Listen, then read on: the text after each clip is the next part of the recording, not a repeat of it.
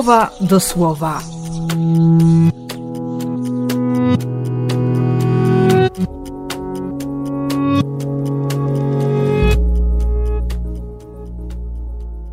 Szósty czerwca, wtorek.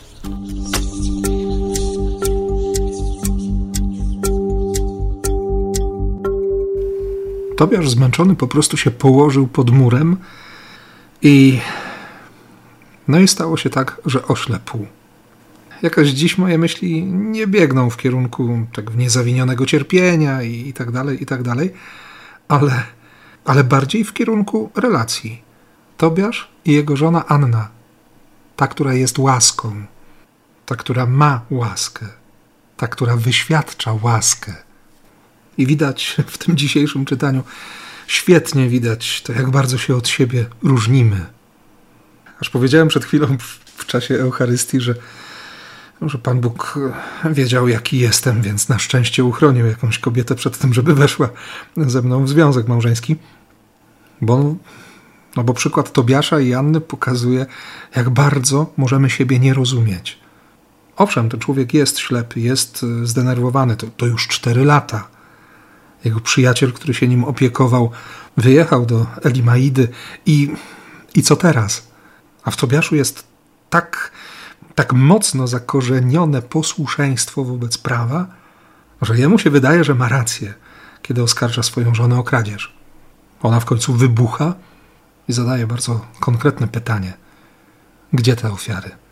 Gdzie to błogosławieństwo? Kim ty teraz jesteś? Nie potrafią siebie zrozumieć uciekają od siebie. Co zrobić? Gdzie szukać rozwiązania? I od razu przyszła mi na myśl Ewangelia, ta dzisiejsza. Zaczyna się od tego, że wróg mojego wroga jest moim przyjacielem i faryzeusze i zwolennicy Heroda idą razem do Jezusa. Pada to proste pytanie: płacić, nie płacić? Kim być? Jak się zachować? A Jezus również odpowiada pytaniem: co jest na monecie. Skoro podobizna Cezara, to oddajcie to, co do niego należy. Ale oddajcie też Bogu to, co należy do Boga. Jak często, jak często zdaję sobie sprawę z tego, że jestem stworzony na obraz i podobieństwo Boga. Kiedy jestem obrazem, a kiedy obrazą. I odpowiedzią jest Jezus. Ten właśnie, który który kocha do końca, który jest widzialnym obrazem niewidzialnego Boga, powie bardzo wyraźnie do Filipa: Mam pokazać Ojca, przecież mnie widzisz. Widzisz moją relację z Ojcem. Czy ktoś, kto patrzy na mnie, widzi to, co Boże? Czy ktoś, kto mnie zna, jest prowokowany przeze mnie do tego, żeby, żeby mieć dobre zdania o Bogu, żeby dobrze o Bogu myśleć, mówić, żeby Boga kochać? W nim jest źródło łaski.